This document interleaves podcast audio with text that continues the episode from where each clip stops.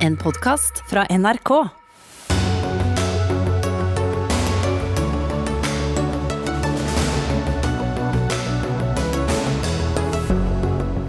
Norsk sæd til utlandet, ja eller nei? Eh, Debatten går etter at Norsk Klinikk vil eksportere norsk overskuddssæd.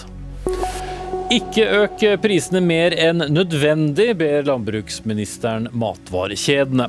Veldig spesielt å skylde på bransjen for økte priser, eh, sier Høyre. Unge Høyre kritiserer Nav for å finansiere et influenserkurs der arbeidssøkende skal få vite alt om å være påvirker. Og tidligere digitalminister vil ha 16-årsgrense for sosiale medier, møter motstand og støtte fra ungdommen. Dette er noen av sakene i eh, mandagens Dagsnytt 18. Jeg heter Espen Aas, og vi skal eh, snakke om eh, mulig norsk eksport av norsk sæd. I Søndagsrevyen i går eh, hørte vi om fertilitetsklinikken Livio, som vil eksportere nettopp dette. Noe som gir barn fler halvsøsken enn om sæden kun brukes i Norge, der det er et tak på seks familier per donor. Og Seniorrådgiver Helsedirektoratet, Anne Forus, dere behandler nå denne søknaden. Hva slags vurderinger er viktige? Eh, Vi har jo fått en søknad fra en klinikk som eh, spør om de kan eh, få godkjenning for å eksportere sæd til utlandet. Og I den saken der så syns vi at det er veldig viktig å innhente innspill. Så vi har sendt en henvendelse nå til Foreningen for donorunnfanga, Ønskebarn, Bioteknologirådet og Norsk forening for assistert befruktning. Og vi vil jo få se på de innspillene, og vi har bl.a. bedt om eh, innspill på hvis en skal tillate dette, her, hva slags vilkår bør en da stille. Så jeg vil jo ikke forskuttere vurderingene før vi har fått de innspillene vi har eh, etterspurt, og vurdert de. I, I den samme reportasjen så, så møtte vi en uh, donorunnfanget uh, kvinne som uh, ble kalt for, for Julie, som mener at barn kan bli et produkt som man ikke tar hensyn til, og har funnet ut at hun har nær 20 genetiske halvsøsken gjennom DNA-treff eh, på nett, og, og mener at denne grensen da på, på seks familier som, som vi har i Norge, bør være absolutt. Hvor eh, mange etiske problemer dukker opp med dette? Det er klart at det er en del etiske problemstillinger knytta til dette, og nettopp derfor har vi bedt om innspill fra Bioteknologirådet, som har i sitt mandat å vurdere denne type spørsmål ut fra etiske og samfunnsmessige perspektiver. Og eh, som du nevner, eh, de som er donorunnfangere, de er jo absolutt en part i dette. Og derfor har vi òg bedt om innspill fra foreningen deres. Hva taler for en slik eksport? Altså, Jeg kan jo prøve å gi et eksempel da, eh, som kan fungere innenfor den grensen vi allerede har. Og Det er et tilfelle der en eh, klinikk har en donor med en viss høyde, en øyenfarge, en hårfarge, eh, som ikke hva skal jeg si, som det kanskje ikke er så stor etterspørsel etter i Norge, men som eh, en klinikk f.eks. i Sverige har behov for. Og Da kan en jo tenke seg at eh, siden vi nå får hjelp fra Sverige bl.a. For å dekke behovet i Norge, så kan vi tenke oss at vi kunne hjulpet Sverige med eh, den type donor. Men det er ikke dermed sagt at en, at en må øke grensen. Men det er jo selvfølgelig et tema som, eh, som må vurderes, da, om en skal hva den grensen skal være. Så vi regner jo med at vi får innspill på det. Og, og dette er da søknad fra ett eh, selskap nå som eh, dere skal vurdere. Det dere faller ned på for denne klinikken, vil det da også skape presedens for andre fertilitetsklinikker? Det er klart at, eh, at det med, det, den vurderingen som vi gir, og det vi eventuelt eh, beslutter i denne saken her, det vil jo få konsekvenser for andre òg. Er eh, regelverket annerledes i våre naboland enn i Norge? Eh, da, altså Landene i Norden og, og, har jo forskjellige grenser for bruk av donorsæd. I Norge har vi sagt at sæd fra en donor kan brukes av inntil seks familier. Eh, I Sverige så har en en annen veiledende grense. Eh, og i, på Island f.eks. vet jeg de har to familier. I Finland har de Altså Sverige har nå sa jeg feil, de har seks familier. I Finland tror jeg det er fem. Og Danmark, der må jeg si at jeg tror det står at en sånn veiledende grense på tolv graviditeter. Men vi vet jo at eh, en del av sædbankene der bruker jo donorene sine atskillig mer enn det. Så Foreløpig takk til deg, seniorrådgiver i Helsedirektoratet, Anne Forus. Du ønsket ikke å delta i noen debatt om dette, men Øyvind Håbrekke, faglig leder i Tankesmien Skaperkraft. Eh, du har tatt kontakt med oss og mener at Bioteknologirådet og Helsedirektoratet da er i ferd med å begå en ny urett. Nå, hva legger du i det? Ja, jeg skal jo ikke anklage dem om det før de har trukket sine konklusjoner, da. Men jeg har lyst til å sette saken Eh, litt i perspektiv.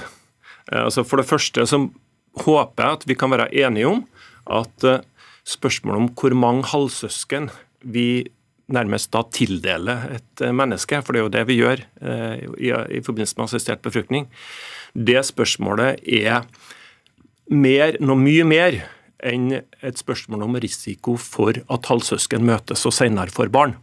Hvordan da?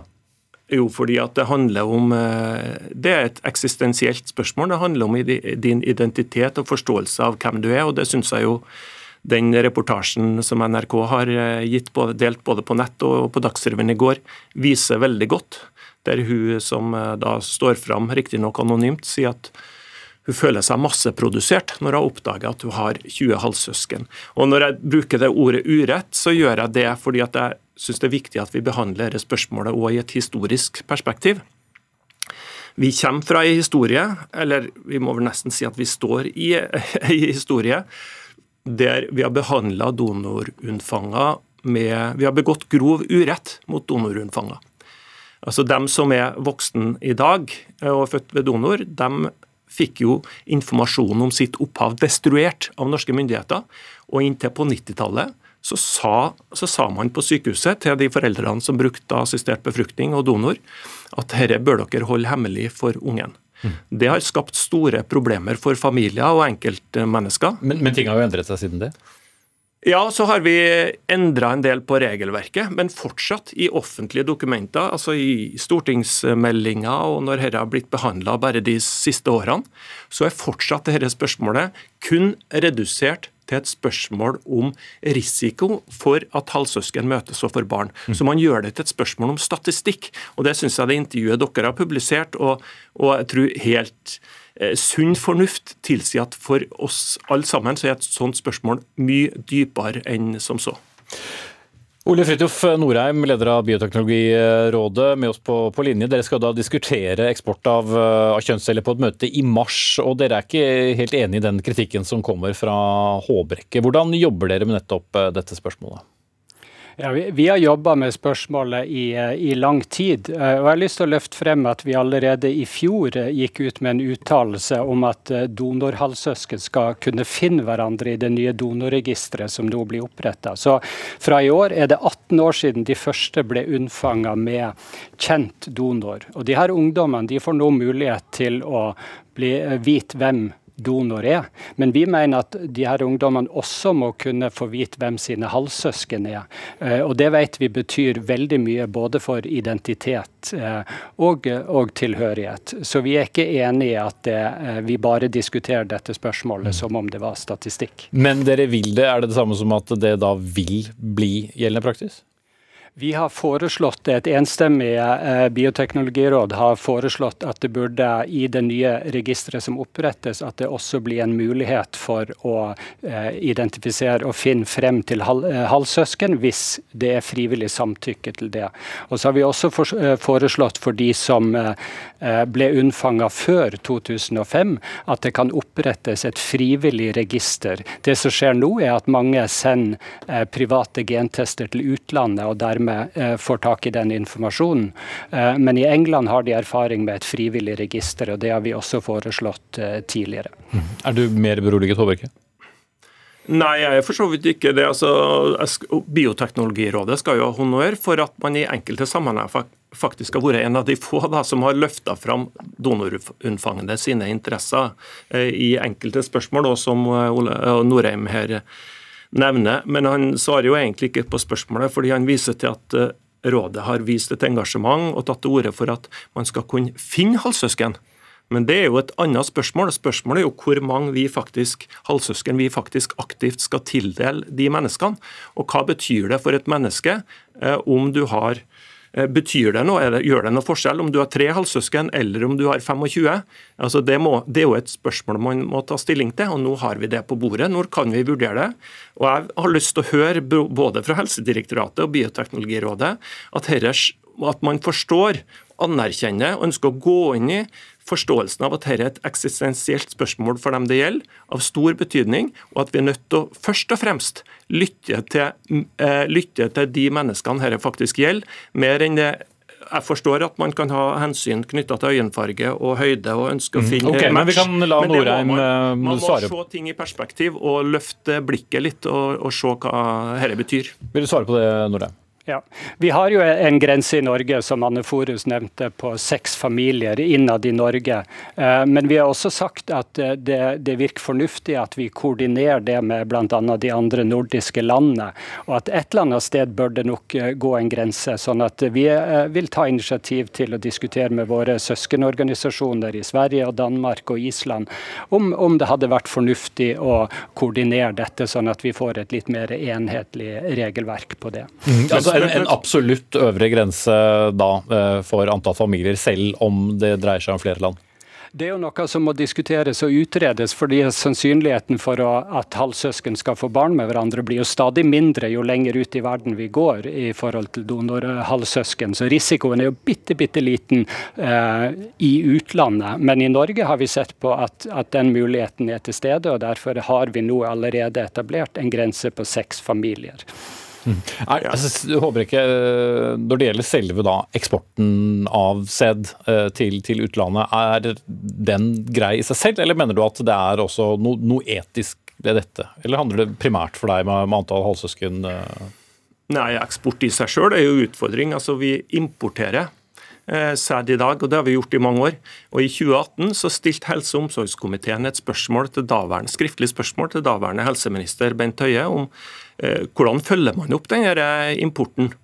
Og Svaret fra helseministeren var eh, gjemt bak byråkratiske formuleringer at vi overlater til de kommersielle eh, selskapene i Danmark og, og, Vi stoler på at de følger etikken og regelverket. Vi kontrollerer ingenting. Så Eksporten i seg selv er jo et problem. Men jeg syns jo at eh, Bioteknologirådets leder her, eh, han bare bekrefter jo litt av det jeg sier. fordi at Vi regner på statistikken, eh, og så sier vi at ja, i dag kan de få sju halvsøsken i Norge. men det er da tydeligvis ikke nok. Vi kan tenke oss å strekke oss enda lenger. og Da har jeg lyst til å høre at man anerkjenner at dette er et mye større spørsmål.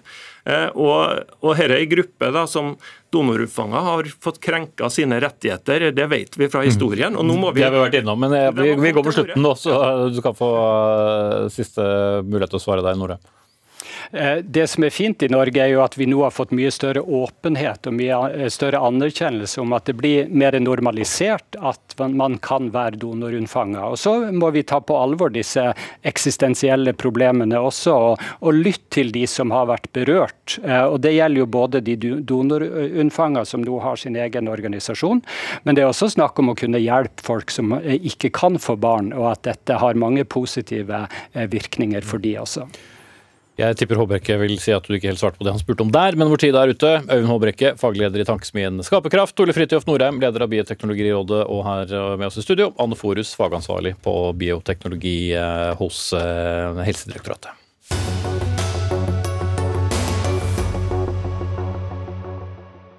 Ja, Den atter så spente situasjonen i Midtøsten er eh, neste tema i Dagsnytt 18. USAs utenriksminister er på rundreise i området og har i dag og i morgen møter med sentrale politikere fra begge sider. For anledningen er at Vestbredden og Øst-Jerusalem ryster stadig av nye dødelige angrep. Marte Heian Engdahl, assisterende direktør i Noref, Norsk senter for konfliktløsning. Hva er bakgrunnen for urolighetene nå?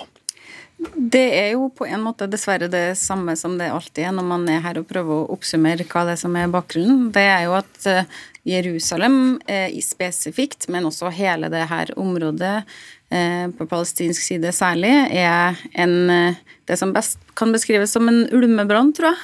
En 75 år lang ulmeplan? Absolutt. Og der det er veldig mange som er innimellom borte og puster på det bålet. Og det er veldig mange som bærer ved til det når det er anledning for en eh, eskalering. Og nå er det Eh, eh, terrorangrep, eh, som er den som man protesterer mot, men også enkelte nye dynamikker, som er stor intern splittelse og uenighet på israelsk side, og en etter hvert veldig gammel fortelling om et palestinsk selvstyremyndighet som er helt uten evne og vilje til å håndtere sin egen befolkning og situasjon. Mm.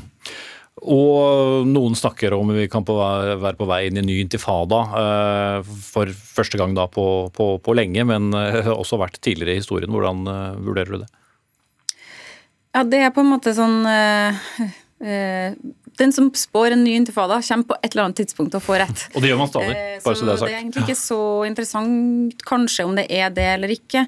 Det, det vesentlige her er jo at det ligger noen eh, problemer til grunn som ikke blir gjort noe med eh, i det hele tatt, og som blir bare verre og verre. Så det er veldig Og da tenker du spesifikt på? Da tenker jeg på den diskrimineringa f.eks. For som foregår internt i det israelske samfunnet, men også selvfølgelig at konflikten mellom Israel og palestinerne ikke blir håndtert. Israel vender blikket sitt til resten av regionen og løse, på en måte normalisere forholdet til den arabiske verden, mens grunnkonflikten som Israel står i, er jo til palestinerne. og da, eh, da det, ikke, det hjelper ikke at du har fred med Forente arabiske emirater eller andre i, i Gulfland, da, eh, hvis du ikke har løst opp i den problemstillinga.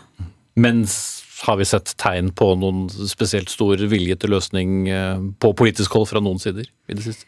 Nei, absolutt ikke. Det er en politisk horisont som er helt uh, forsvunnet, og som dermed også gjør at det blir en veldig uh, enorm følelse av marginalisering på palestinsk side.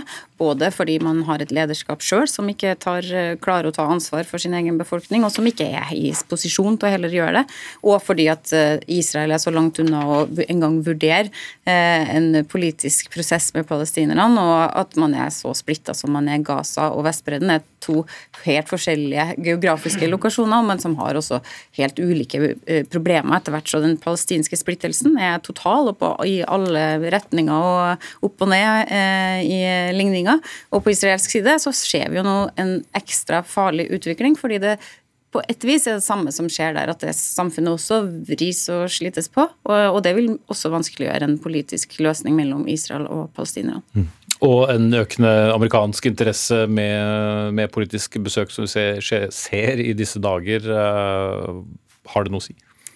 Jeg ville ikke ha tenkt at det at Anthony Blinken er på besøk nå har noe som helst å gjøre med en økende amerikansk interesse. Eh, at han dukker opp der, det, det, kan være andre ting som ligger bak det, og at det på en måte passer. Det er jo også bekymring i USA for utviklinga også i Israel, så klart. Eh, men USA har helt andre problemer på blokka si. De har eh, selvfølgelig eh, Ukraina-krigen, som tar nesten all båndbredde uansett hvilken internasjonal hovedstad du, reiser til. Og I tillegg så trygler de egentlig om anledning til å kikke mot Beijing, for det er alt de egentlig har lyst til å fokusere på. Så jeg tror egentlig ikke at vi skal forvente oss en stor amerikansk appetitt for å involvere seg her. Kristian mm. Tøbring-Gjedde, stortingsrepresentant fra Fremskrittspartiet og medlem av utenriks- og forsvarskomiteen på Stortinget. Du har vært tydelig på at palestinerne nå har eh, et hovedansvar for eskaleringen i konflikten. Hvordan da?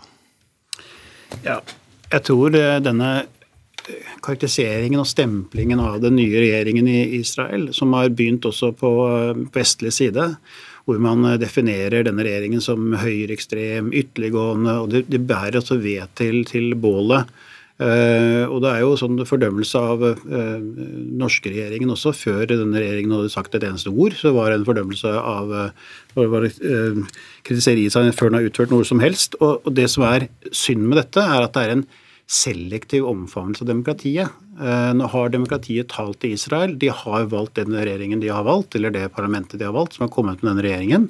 Da må vi forholde oss til det, istedenfor å lage et skremmebilde. Eh, den konflikten, som jeg er enig med, forskerne, er akkurat samme den konflikten har vart i 75 år. Eh, men det har vært tendenser til at man kan prøve å løse den. Det har vært forhandlinger. Du ser forhandlingene som, har blitt, som allerede med Jordan og Egypt, hvor det har blitt fred. Eh, og jeg tror også at eh, økonomi kan bidra til å gjøre dette bedre. F.eks. arbeidstillatelser for, nei, for eh, palestinere i Israel. Fra Vestbredden så er det 100 000 arbeidstillatelser, på Gaza er det 15 000 arbeidstillatelser. Jeg tror økonomi er viktig. Hvis man klamrer seg fast i tidligere konflikter, så kommer det til å vare evig. Og det tror jeg ikke løser noe som helst. Mm. Åsmund Aukrust, stortingsrepresentant og nestleder i, i samme komité fra Arbeiderpartiet. Hvor plasserer du ansvaret? For det vi nå ser? Det er jo veldig mange som må ta ansvaret for det. Og det er jo, som det blir sagt veldig klart her, det er jo dårlig politisk ledelse fra begge sider. Dette året har jo på mange måter fått den verst mulige starten for israelere og palestinere. Eh, det har vært 30 palestinere som er drept eh, bare i år. Eh, det var vel ni stykker forrige torsdag. Og så fikk vi dette brutale terrorangrepet som drepte sju israelere på fredag, som selvfølgelig fordømmes på det kraftigste fra Norge og fra andre land. Men det er jo en grunn til å tro at dette er en voldsspiral som dessverre kommer til å fortsette. Og jeg syns jo ikke de tonene vi hører fra den israelske regjering er særlig beroligende.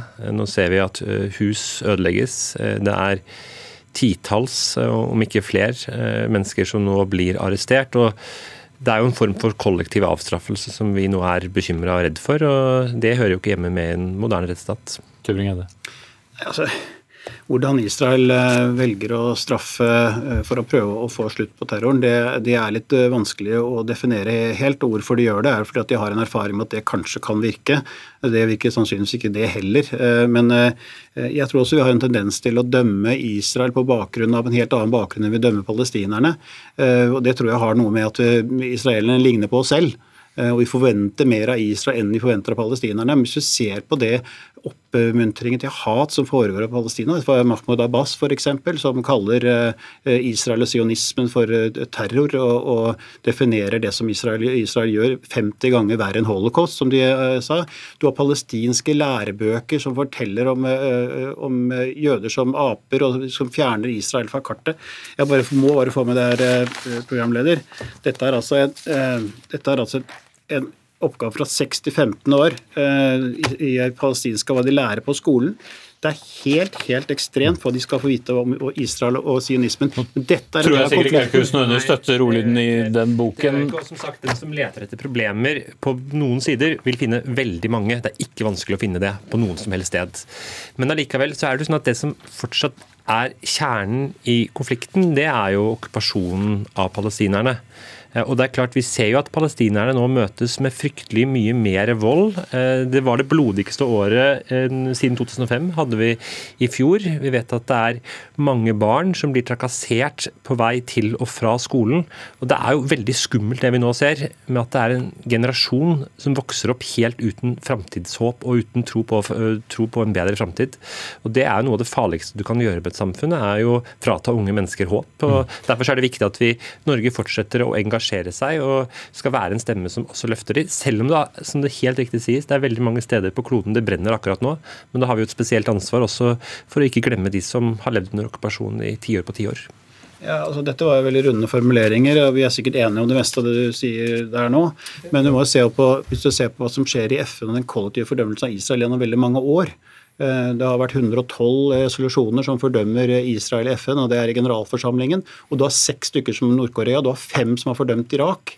Altså, Hvor er liksom grensene her? Også i uh, Menneskerettighetsrådet hva er det Israel har fått 96 resolusjoner mot seg. Suverent mest. De har fått 36 til Syria, men altså 96 på, på, Israel.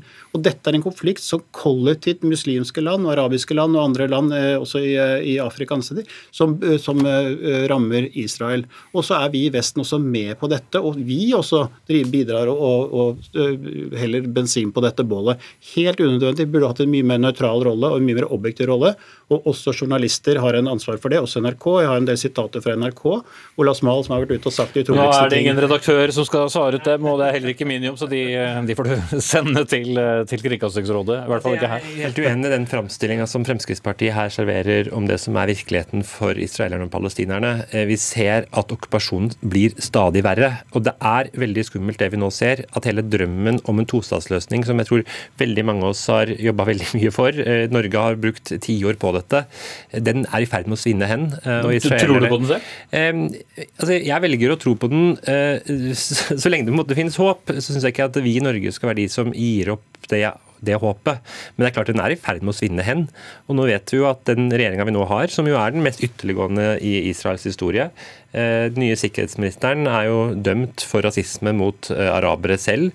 Han er tatt ut av militæret fordi han var for ekstrem. så det er klart, uh, Og det er et settlerparti. Så det er, jo, det er noen veldig ytterliggående krefter som nå sitter ved makta med Israel. og Det gjør jo at det er all grunn til å være bekymra for denne, den tida vi nå går inn i. Men reflekterer det i politikken? Også Absolutt. bakgrunnen til det? Absolutt. Eh, vi, eh, ja, og Regjeringa er jo eh, relativt ny. Den har vel sittet en knapp måned. Så det er klart, nå får vi nå se hvordan dette her går.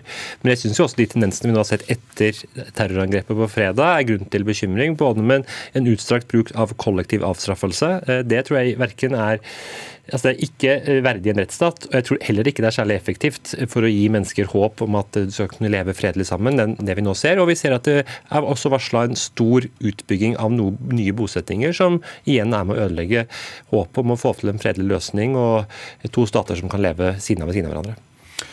Kort til slutt, Tybring-Gjedde. Det er bare et veldig kort sitat uh, av en israelsk-amerikansk psykolog og nobelprisvinner som vi sier, å mene noe om fremtiden er krevende. Vi mennesker har nesten en ubegrenset evne til å ignorere vår uvitenhet. Vi skaper en illusjon om at vi forstår fortiden. Dette gjør det veldig vanskelig å akseptere vår begrensede evne til å spå om fremtiden. Og Det tror jeg er ganske godt sagt. Jeg tror ikke vi skal være så skråsikre på verken fortiden eller fremtiden.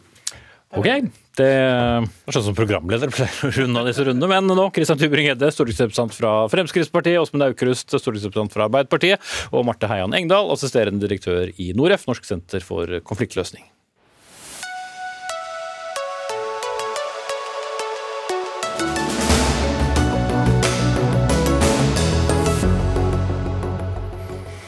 Det kan kanskje virke som en slags absurd nedtelling som mange nå har til 1.2 eh, og det bebudede og ventede prishoppet på mat for oss alle. 1.2 så justeres tradisjonen tro prisene i dagligvarehandelen, noe som gjøres en gang i halvåret.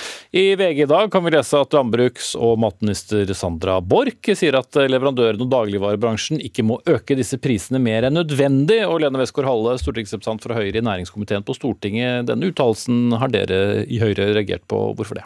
Ja, Det er jo en uttalelse som flere i regjeringen har eh, gjentatt flere ganger. og Det er litt interessant, fordi i den uttalelsen så ligger det en insinuasjon om at enkelte ledd i verdikjeden for mat tar altfor høy pris. Altså at de profitterer på den litt utfordrende verdenssituasjonen vi står i nå. Um, vi har jo stilt spørsmål om dette i Stortinget flere ganger og spurt ok, hvilket, hva som ligger til grunn for disse uttalelsene. Fordi Sånn vi kan se, så ser det ut som grunnen til at vi har de høye prisene vi har nå, er mye mer sammensatte enn at et enkeltledd tar altfor godt betalt. Det er høye strømpriser, det er høye transportkostnader. altså Alt er dyrt for alle akkurat nå. og det inkluderer... Men, men frikjenner du da sånn sett dagligvarebransjen? Så du mener de setter ikke opp mer enn det de akkurat må? Altså, Vi har jo ikke detaljert innsyn i hvordan de gjør det, men de sier selv at de ikke gjør det. og Det samme gjelder egentlig alle leddene i den verdikjeden. Så har, det er ingen ingenting som eh, insinuerer eller som viser at det er situasjonen. og Derfor syns jeg det er litt spesielt at eh, regjeringen er så tydelig på det. I tillegg så har de jo sendt ut det som man kaller en marginstudie. eller de skal ha en marginstudie. La oss bare ta det første først, som vi sier. Nå hadde ikke landbruks- og matminister Sandra Borch mulighet til å være med her i dag. Men første, første, reserve på Stortinget, Geir Pålestad fra finanskomiteen, eh, er med oss. Eh, er det riktig å bare rekke pekefingeren mot enkelte aktører? Det er, ikke, det, er ikke, den eneste forklaringen, men jeg syns at Høyre her gjør det altfor eh, lettvint. og nærmest frikjenne dagligvarekjeden og begrunne det med at de har spurt dagligvarekjeden, og de sier at det ikke er sånn.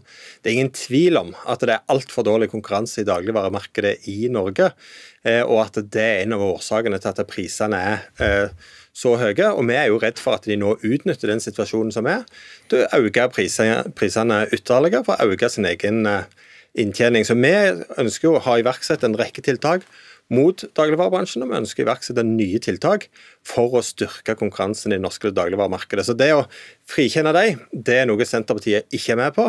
De må ta sin del av ansvaret. Og så eh, mener vi at i den situasjonen vi er nå, så skal vi både ha kontroll på prisene, men vi skal også sikre den norske matproduksjonen og det norske landbruket. Jeg synes jo det, altså Nå gjentar jo Pollestad akkurat det som regjeringen sier, bare mye sterkere. Han sier at dagligvarekjedene utnytter situasjonen. Eh, og Da må jo Pollestad sette seg litt mer inn i hvordan situasjonen faktisk er. fordi dag, På dagligvareleddet så går jo fortjenesten ned. altså De taper jo, eller de tjener ikke like mye penger som de gjorde tidligere. og Da er det jo veldig rart å si at denne bransjen tjener veldig mye mer enn det de egentlig skal. Eh, så jeg bare synes det er veldig merkelig, og det er ingenting som er lagt frem av tall fra regjeringen som viser at dette stemmer. For hvis det stemmer, det de hevder, så er det veldig veldig alvorlig. Og Da synes jeg det er veldig spesielt at de strør om seg med den påstanden uten å dokumentere det. Jo, men Det er jo veldig enkelt å se på det. at uh, Hvem er det som er uh, de rikeste i landet her? Jo, det er de som driver med uh, dagligvarehandel. Og Vi er jo i en situasjon der det blir stadig færre og færre som produserer maten. Men, men er det å bevise ditt at Reitan-familien og familier tilknyttet Norgesgruppen og andre har høy formue? Jo, men Jeg sier ikke at de gjør noe ulovlig. Jeg sier at de eh, utnytter situasjonen som eh, er, til eh, den svak konkurransesituasjonen. og Det er klart det påvirker prisene. og Det er forbrukerne og bøndene som må betale for den svake konkurransen. og Den ønsker vi å styrke. og Det er jo et forskjell for den forrige regjeringen og denne regjeringen at vi tar denne situasjonen på største alvor. og Det er et paradoks at det blir færre og færre i Norge som produserer maten, mens det blir flere og flere butikker for å selge Eh, den samme maten. Og Derfor så tenker jeg at det her Eh, bør en ikke, som eh, Høyre gjør, gå inn som talspersoner for dagligvarekjedene, men rett og slett ha et kritisk blikk på hva er det som gjør at prisene stiger nå. Ja, så Det er åpenbart ingenting som uh, verken regjeringen eller Senterpartiet kan legge frem som dokumenterer disse påstandene. og Det mener jeg er ganske alvorlig. og Det skaper en debatt og en debattkultur i et marked som akkurat nå er ganske utfordrende for veldig mange, som jeg er veldig kritisk til. Jeg er helt enig i at konkurransesituasjonen i verdikjeden for dagligvarer ikke er god nok. Det er derfor opposisjonen, ikke Senterpartiet og Arbeiderpartiet, for de var ikke med på det, la frem tolv forslag i, rett før sommeren for å styrke den konkurransen i verdikjeden for mat. Um, Senterpartiet var ikke interessert i å være med oss på det, og har ikke vært på ballen i det hele tatt. Um, det jeg derimot har lyst til å gjøre, er å rose næringsministeren, som etter hvert i hvert fall har begynt å komme litt mer på banen når det gjelder verdikjeden for mat. Men det er ganske stor forskjell å si at det er dårlig konkurranse i dagligvarebransjen, til å si at de utnytter situasjonen. Jeg tror ikke Coop utnytter situasjonen. Det er ingenting som tyder på det. Hvis det skulle være sånn, så må regjeringen underbygge de påstandene med noe mer enn at noen tjener penger. Ok, nå Rett før sending eh, på Åstad Westgård Halle så ble det også kjent at Konkurransetilsynet har kalt inn da dagligvaregigantene til et møte om nettopp de økte matprisene, for de har reagert på alle disse varslingene om et stort prishopp på matvarer, og mener at uh, dette er da bekymringsverdig at det er så ettertrykkelig kommunisert i forkant. Jeg kunne bare tenke meg å få kommentarene fra dere begge på det. Jeg kan begynne med deg, Pollestad. Ja, og Det er jo en av de tingene som gjør at vi blir eh, skeptiske til det som skjer. Når aktør etter aktør går ut og sier at nå skal prisene øke med så og så mye, forteller til sine konkurrenter akkurat hva de har tenkt å gjøre med eh, prisene. Jeg fatter ikke at ikke Høyre er mer opptatt av å komme til bunns i dette eh, og eh, kartlegge dette bedre, sette inn tiltak mot dette. Eh, fordi at det er ingen tvil om at vi skulle hatt bedre konkurranse i dagligvaremarkedet i Norge. Og at både forbrukere, leverandører, bønder ville ha tjent på at vi oppnådde det. Ja, Vi hadde i hvert fall tjent på at Pollestad hadde satt seg litt bedre inn i fagområdet. fordi det er Høyre sammen med de andre partiene i opposisjonen som har lagt frem tiltak på dette det siste året, som har jobbet masse med konkurransen i verdikjeden for mat og dagligvarer. Det har ikke Senterpartiet vært med på, så det må Pollestad oppdatere seg på. Jo, når, det pris, når, det gjelder prissignalisering, så er det veldig uheldig. Jeg er veldig glad for at Konkurransetilsynet gjør det de gjør nå. fordi hvis det er sånn at det er en form for prissignalisering i den, ja, i den rekkevidden da, som Konkurransetilsynet insinuerer, eller sier at kan være uheldig, så kan det faktisk påvirke prisen for oss som handler mat. Det kan gjøre dagligvarene dyrere, eh, og det er det veldig bra at Konkurransetilsynet tar tak i. Mm. og Her blander for så vidt programleder inn to ting. Da, for Det ene er jo ulovlig, eller prissamarbeid som er eh, ulovlig, at det er varslet på forkant, og at man kan eh, måtte rette seg etter hverandre der. Mens utgangspunktet for denne diskusjonen er jo om de settes opp eh, så mye som de skal, eller ikke bare for å rydde opp i det. Men da, Polstad? Jo, men det er jo, eh, det er jo viktig her at, eh, at en er eh, ryddig med hvem som mener hva. og Når næringsministeren gjennomfører tiltak, kjører en tøff linje mot dagligvarekjedene, så gjør han det i samarbeid med regjeringen og landbruksminister Borch og Senterpartiet og Arbeiderpartiet, som sitter i regjering. Så denne ønsketenkningen som en prøver her fra Høyres side å fortelle at Senterpartiet ikke bryr seg om dette, faller på sin egen steingrunn. Vi har vært veldig tydelig mot eh, maktbalansen i verdikjeden. Vi mener den har vært for skeiv. De som produserer maten, de har, får stadig mindre makt, mens de som selger eh, maten, sitter igjen med stor fortjeneste. Eh, og så de jobber seg opp bakover i dagligvarekjedene. Og det er klart, En bonde får fem kroner literen for en liter melk. Den selges i butikken for 20 kroner. Det å ha en skikkelig debatt om hvor de pengene blir av, og om de bør eh, fordeles annerledes, det er eh, en svært viktig diskusjon, og det må vi komme til bunns i. og Derfor er det så bra at også Konkurransetilsynet tar tak i dette nå. Og på torsdag så får alle vi som skal handle inn til familiemiddagen første fasit på hvor dyrt dette ble, eller eventuelt ikke ble. og ikke for å være forutsigbar, men kjenner jeg oss rett, så kommer vi tilbake til det rundt da. Geir Pollestad fra Senterpartiet, Lene Westgård-Halle fra Høyre, takk skal dere ha begge to.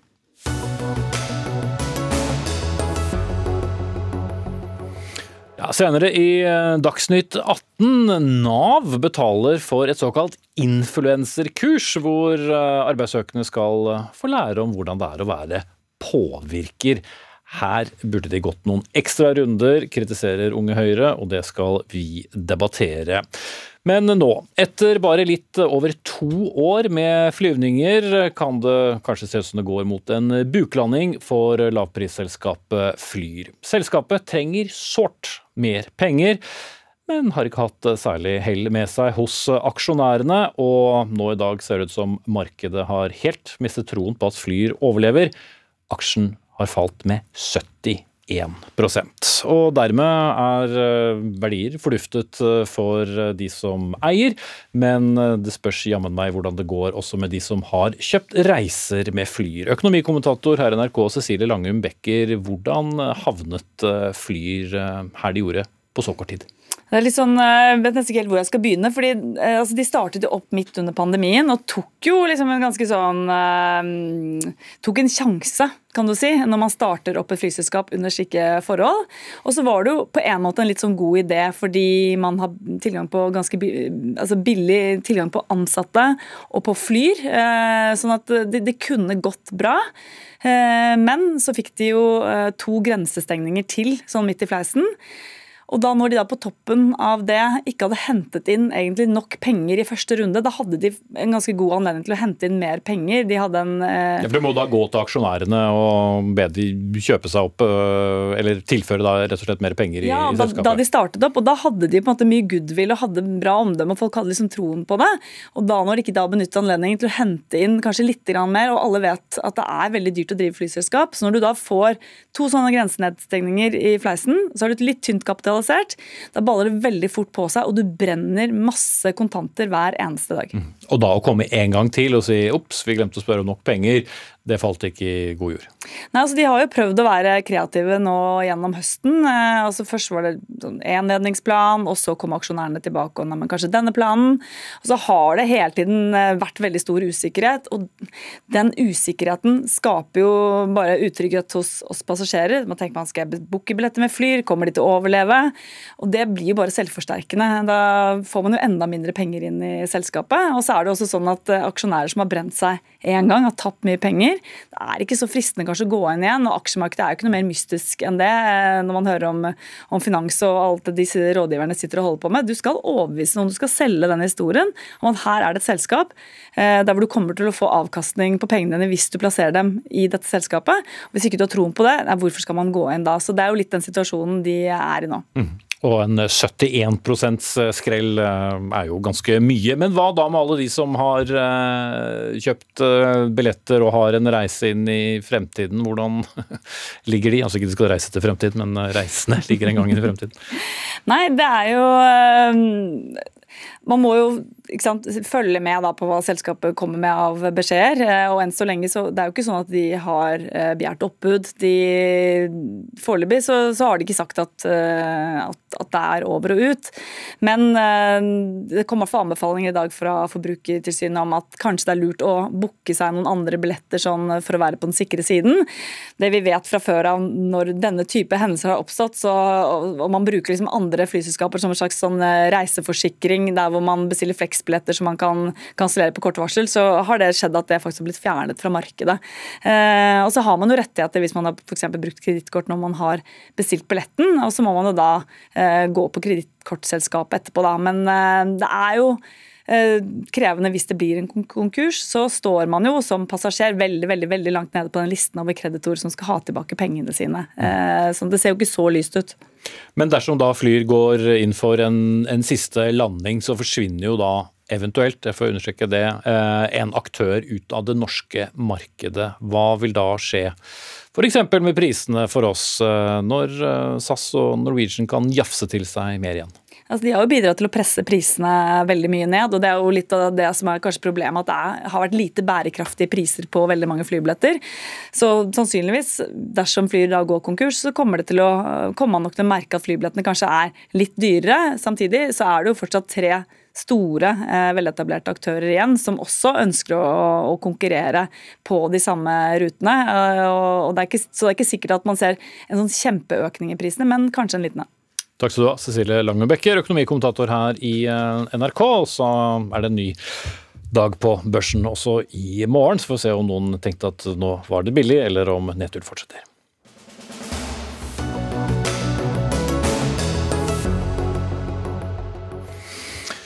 Bør eh, Nav sponse kursing til et eh, yrke som lever av sponsing? Ja, Nav i Troms og Finnmark har iallfall innvilget støtte til å ta kurset Influencer Pro, hvor deltakerne skal um, lære seg å bli en vaskeekte påvirker i løpet av åtte uker. Det var Nettavisen som skrev om denne saken uh, først. Og ja, som sikkert man kan gjette, så har dette vakt oppmerksomhet, ikke minst i sosiale medier. Og det ble vel ikke noen braksuksess hos deg heller, Håkon Snortheim, første nestleder i uh, Unge Høyres landsforbund. Hva er uh, problemet? Kan man bare tilby gamledags yrker på Nav? Nei, det kan man ikke. og Det er, det er viktig at Nav uh, omstiller seg og, og, tenker nytt og kreativt.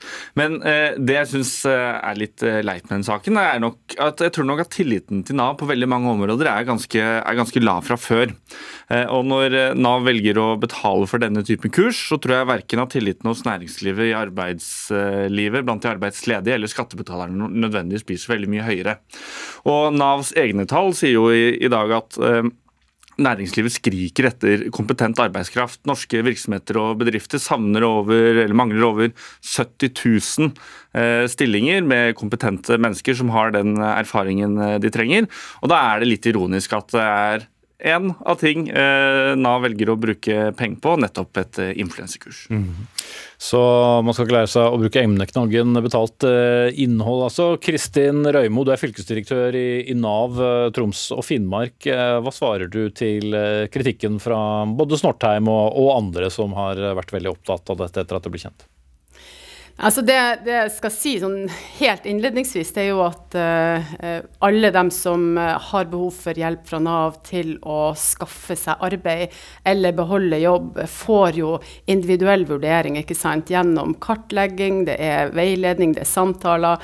Man går ganske bredt ut, uh, sjekker hva slags kompetanse har vedkommende fra før. Ok, Det er sånn hvordan Nav fungerer, men altså ja, det, dette liksom slags, tilbudet? Ja, ja, men ikke sant, hva slags helseutfordringer er det folk har. Og i, i, i, de aller fleste tilfellene så er det jo sånn at vi jobber jo med de store behovene i arbeidsmarkedet eh, og har flere hundre på eh, kursing og utdanning knytta til helsevesen f.eks. Det er kokk, det er bygg og anlegg, det er de store okay, sektorene som trenger snakke om influensakurset. Og så er det sånn at av og til så skjer det at eh, vi har folk inne som trenger andre ting. Og det skjedde i denne eh, forbindelsen. Da var det én person som eh, etter dette arbeidet eh, ikke sant, endte opp med å være i en situasjon der det var akkurat dette kurset som skulle til for at vedkommende eh, skulle komme seg inn i jobb. Og da er det sånn at Alternativet til dette kurset muligens kunne vært lengre tid på livsoppholdsytelse betalt av Nav, som jo er eh, en av de utfordringene som vi jobber med hver dag eh, for å begrense. Så da var det ikke akkurat så omfattende. Det er ikke dette vi skal leve etter oljen, Snortheim. Har du noe å si? Ja, det er jeg jo helt enig i, men, og det er ikke meningen å bruke det kranglete argumentet med at dette er en prinsippsak for meg. Men eh, litt av, av, utfordringen er jo at eh, Manpower f.eks. har jo eh, flere kartlegginger om hvilken type kompetanse arbeidslivet trenger. og Det er alt fra selgere til, til ingeniører til IT-personell til teknikere, sjåfører osv. osv. Nav sin samfunnsrolle er jo å være bindeleddet mellom Men de har ikke sluttet med alle de tingene? Nei, absolutt ikke. Men uh, når mitt poeng innledningsvis var at uh, tilliten til Nav er nok ganske tynn i deler av næringslivet, blant skattebetalerne også. Jeg tror blant veldig mange av de, av de arbeidsledige, så er ikke dette med på å, å øke tilliten uh, til Nav. For det er rett og slett ikke dette vi skal leve av i lengden. Røymo til den kritikken? Ja, det er jo helt rett at vi skal ikke leve av influensere. Vi skal heller ikke leve av å ha folk på kurs om sosiale medier. Men det som er viktig, og det som for så vidt også er bra med denne saken, det er jo at vi får snakka om også hva er det Nav bruker de store ressursene og de store pengene på. Og det er ikke ikke denne type kurs. Dette er ett kurs som er kjøpt for én person. Og vi har altså flere hundre, vi har 2500 ulike tiltak i, eh, bare i vårt fylke hver eneste måned, der, eh, der, vi ikke retter oss inn mot akkurat dette kurset som skjedde i denne forbindelsen. Og, det er det jo et poeng for oss at også Snortheim og, og Unge Høyre vet. Eh, og jeg tenker at denne saken og oppmerksomheten rundt denne saken kan bidra til også det. Tenk om vi får en suksessrik ny eh, påvirker snart Snortheim, som følge av hva Nav Troms og Finnmark gjør. Ja, altså, og, og, det er fint at man følger opp eh, de arbeidsledige personlig, det, det, mener jeg at det er bra, og det skal man selvfølgelig fortsette med. Men det jeg også lurer på, da, hvis Nav har gått så i detalj og, og gjort researchen sin med disse kursene, og jeg er klar, klar over at dette er en litt annen politisk debatt, men hvis man går inn på nettsiden til Influencer Pro, så er jo en av de tingene man ser at blir markedsført, er hvordan du skal ta bilder av barn osv. osv. Og det mener jeg også er et etisk dilemma. Så når Nav velger å ja, være litt kreativ og finne andre kurs å sende arbeidsledige på, så mener jeg også at man må ta noen etiske vurderinger i det. Og mm. de 9000 kronene er ikke nødvendigvis uh, så veldig mye. Det er ikke mye i det store og det hele bildet. Men det handler litt om uh, hvilken retning er man ønsker å gå. og Hvordan sørger man for at tilliten man er så avhengig av i mm. næringslivet, blant skattebetalerne og de arbeidsledige, mm. blir sterkere og ikke Er, er du overrasket over eh, kritikken, altså ikke bare fra Snortheim her i studio, men det som ellers har, har kommet frem, Røymo? Nei, ikke overraska. Og også for oss i Nav, da dette ble en problemstilling, altså skal Nav gå inn og dekke dette, så avstedkommer det også ganske store diskusjoner. Er det riktig av oss å gjøre det? Og i dette tilfellet så vurderte vi, og ingenting tyder på at det var en feil vurdering, at de individuelle behovene og de faktiske mulighetene til å komme seg i jobb var viktigere enn kan du si, de etiske utfordringene som også vi sitter og vurderer i hvert eneste tilfelle der vi kjøper kurs som ikke liksom kjøpes inn gjennom de store rammeavtalene, som jo henvender seg akkurat til de gruppene som Snortheim her eh, snakker om. Mm -hmm. Og Det er nå dette de jobber med i Nav, da, å få folk ut i arbeidslivet. Skal eh, politikere og andre legge begrensninger på hva Nav skal tilby? Nei, det skal man nok ikke. Og det kommer nok ikke noe forslag fra Unge Høyre på bordet om å forby denne type, denne type, kurs heller. Men som jeg sa innledningsvis, næringslivet mangler over 70 000 årsverk med den eh, kompetansen og erfaringen de trenger. Da mener jeg at Nav heller bør prioritere kurs innenfor bifagområdene. Du tror ikke internett mangler flere påvirkere? Ja, det kan hende, men ikke herfra. ok, vi får se Kristin Røymo om det blir en uh, suksess med influenserkurs uh, i, i, Troms og Finnmark. Takk for at du var med. Du er fylkesdirektør uh, i Nav i vårt nordligste fylke. Og Håkon Snortheim er altså første nestleder i Unge Høyres landsforbund.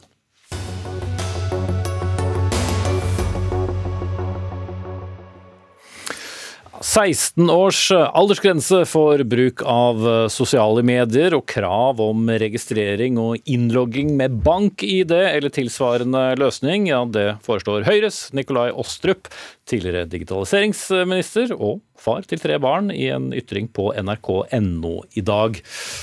Ok, boomer. Hvorfor? Nei, eh, Dette handler om at vi utsetter barna for et stort eksperiment. Det er mye bra med sosiale medier, men de er ikke laget for små barn. NRK har gjennom flere artikler vist hvordan algoritmene i sosiale medier eh, gir deg mer av skadelig innhold eh, i, som overhodet ikke er egnet for, for, barn. Eh, og vi ser at barna også bruker ekstremt mye av tiden sin på nettopp sosiale medier. Og dette brukes jo til sosial ekskludering, digital mobbing. Det brukes til altså både spritlangeren og, og sprittaxien og liksom, narkotika, pedofile. Alle er på sosiale medier. Hele denne verden er åpen for barn ned i 8-9-årsalderen. Så som NRK kunne fortelle her for noen dager siden, så er det jo altså barn som selger nakenbilder på Snapchat i lukkede chatterom som foreldrene ikke kjenner til. Mm. Er, Men mesteparten av dette vil du vel neppe at noen over 16 år skal heller gjøre, vil jeg tro. Hvor... Det er helt riktig, men et eller annet sted må du sette grensen. Om det er 15 eller 16 år eller 14 år, altså, det er ikke det viktigste. Det viktigste er at det er en aldersgrense som håndheves.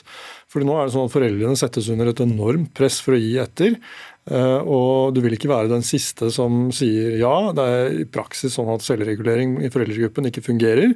Det tas opp på foreldremøter, eh, men det er alltid noen som gir etter, og da kommer resten etter. Så, så det er, dette er, handler om at vi må ha en eller annen form for regulering. Vi trenger en debatt og vi trenger politiske virkemidler for å få det til å skje. Og Fordelen med reell alderskontroll i motsetning til sånn som det er nå, hvor du bare kan lyve på alderen og opprette konto, det er jo at, uh, at, du ikke kan opprette falske kontoer heller, og at det er helt uh, bombesikkert at der, der, ligger grensen. Så, men, men, en 16-årsgrense nå, uh, altså vi har jo hatt Facebook i i hvert fall 16 år, og vel sannsynligvis lenger òg, men jeg orker ikke å prøve hoderegn på det her jeg sitter nå.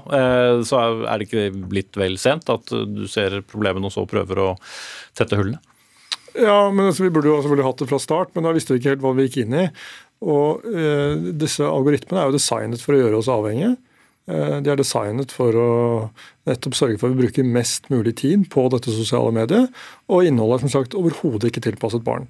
Eh, og Det tenker jeg vi må ta konsekvensen av, og vi må være de voksne i rommet. Og vi må da kunne stille opp med reguleringer som beskytter barna fra dette, og gir dem egentlig tiden deres tilbake. For det er den de, den de mister, men det er også andre ting som, er, eh, som, vi vet er problematisk. Og I dag er det 13 års aldersgrense.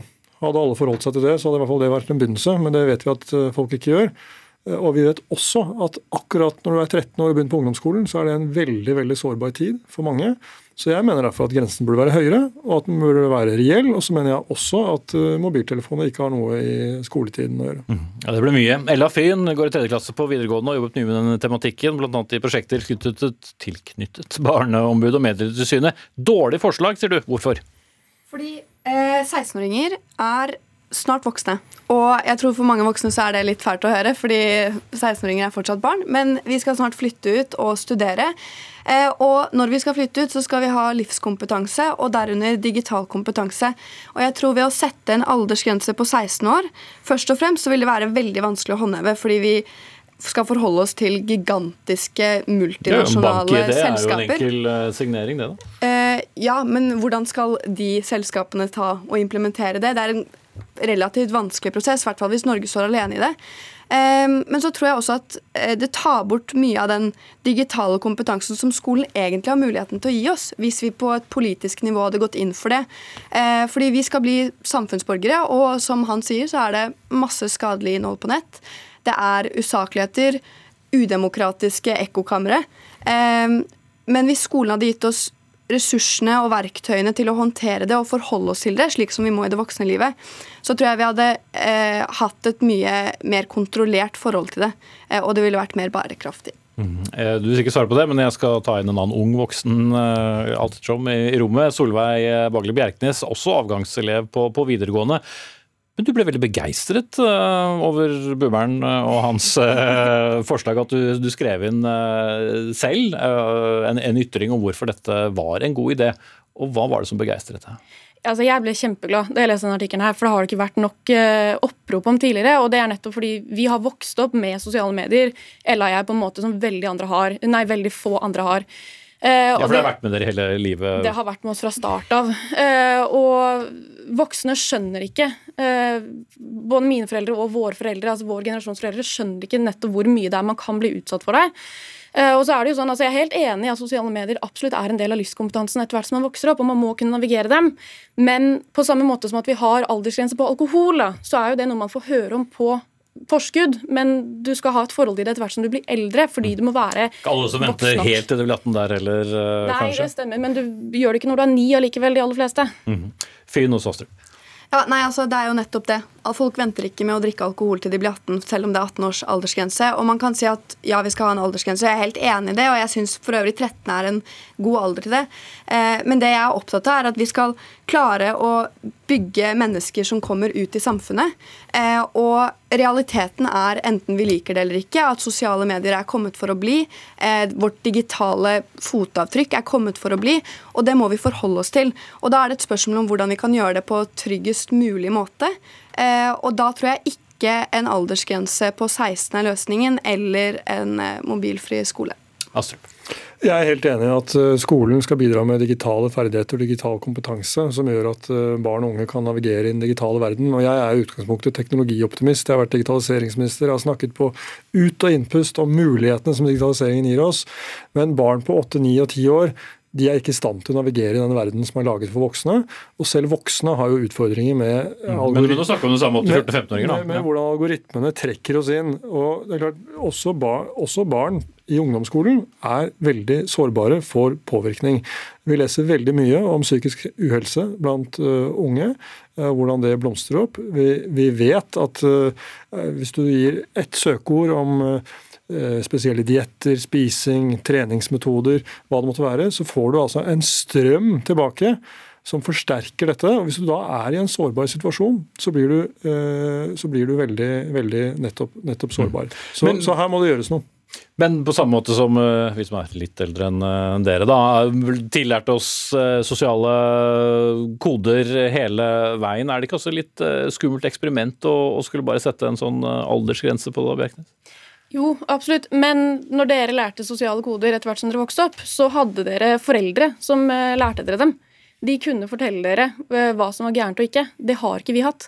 Når vi har eh, lært kodene på sosiale medier, så er det vi som har satt grensene. Og når en, ja, litt som man snakker om, når en åtteåring skal sette grensene på hva som er greit og ikke sosialt, så er ikke det en, en ansvarsoppgave som de er klare for å ta, rett og slett. Du er en del av et stort uh, sosialt eksperiment, sånn sett? Absolutt. Det vil jeg absolutt si. Du blir ikke proff fotballspiller av å aldri røre en ball. Eh, og det er det egentlig jeg tenker innenfor fotball også. For jeg er helt enig i problembeskrivelsen. Det er utrolig mange utfordringer på sosiale medier. Eh, men jeg syns eh, kanskje til din store skuffelse at det er viktig å snakke om de positive tingene også i denne debatten med ma mange negative ting. Fordi Hvis man tar bort sosiale medier for alle under 16 år, så tar man bort en viktig sosial arena. Og som du sier, så er ungdomsskolen en vanskelig tid for mange. Og mange finner fellesskap nettopp på nett. Eh, så jeg tror ikke man skal undervurdere det. Og så er det jo viktig å understreke at vi ønsker jo primært samme ting, at folk skal ferdes trygt, og at eh, man skal finne en balanse. Um, og da tror jeg videre i livet så ønsker i hvert fall jeg å ha bedre digital kompetanse. Og det hadde jeg ikke fått hvis det var 16 år i uh, aldersgrense på sosiale medier. Og jeg har gått på skoler med mobilforbud, og denne mobil bruken min er fortsatt ute av kontroll, dessverre.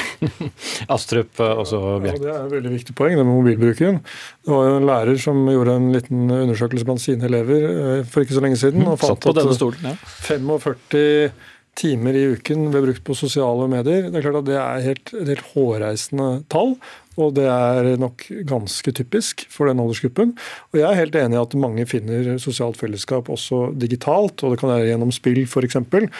Eh, men hvis du ser på TikTok og en del andre av disse sosiale mediene, så er ikke de laget for sosialt fellesskap. Det er egentlig mer laget for sosial eksklusjon, vil jeg si.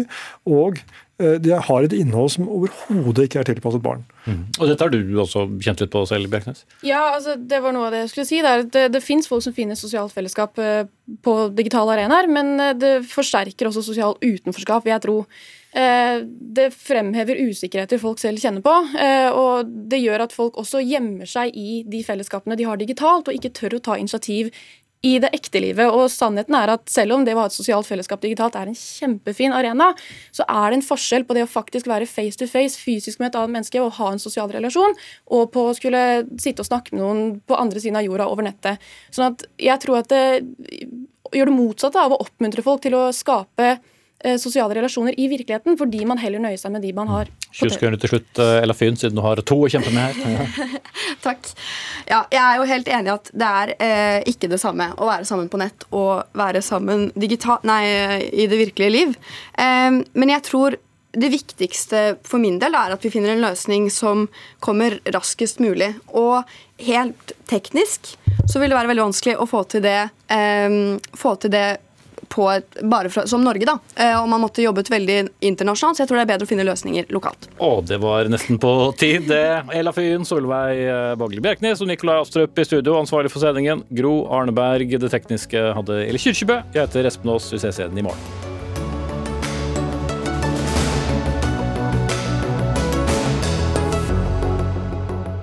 Du har hørt en podkast fra NRK. Hør flere podkaster og din NRK-kanal i appen NRK Radio.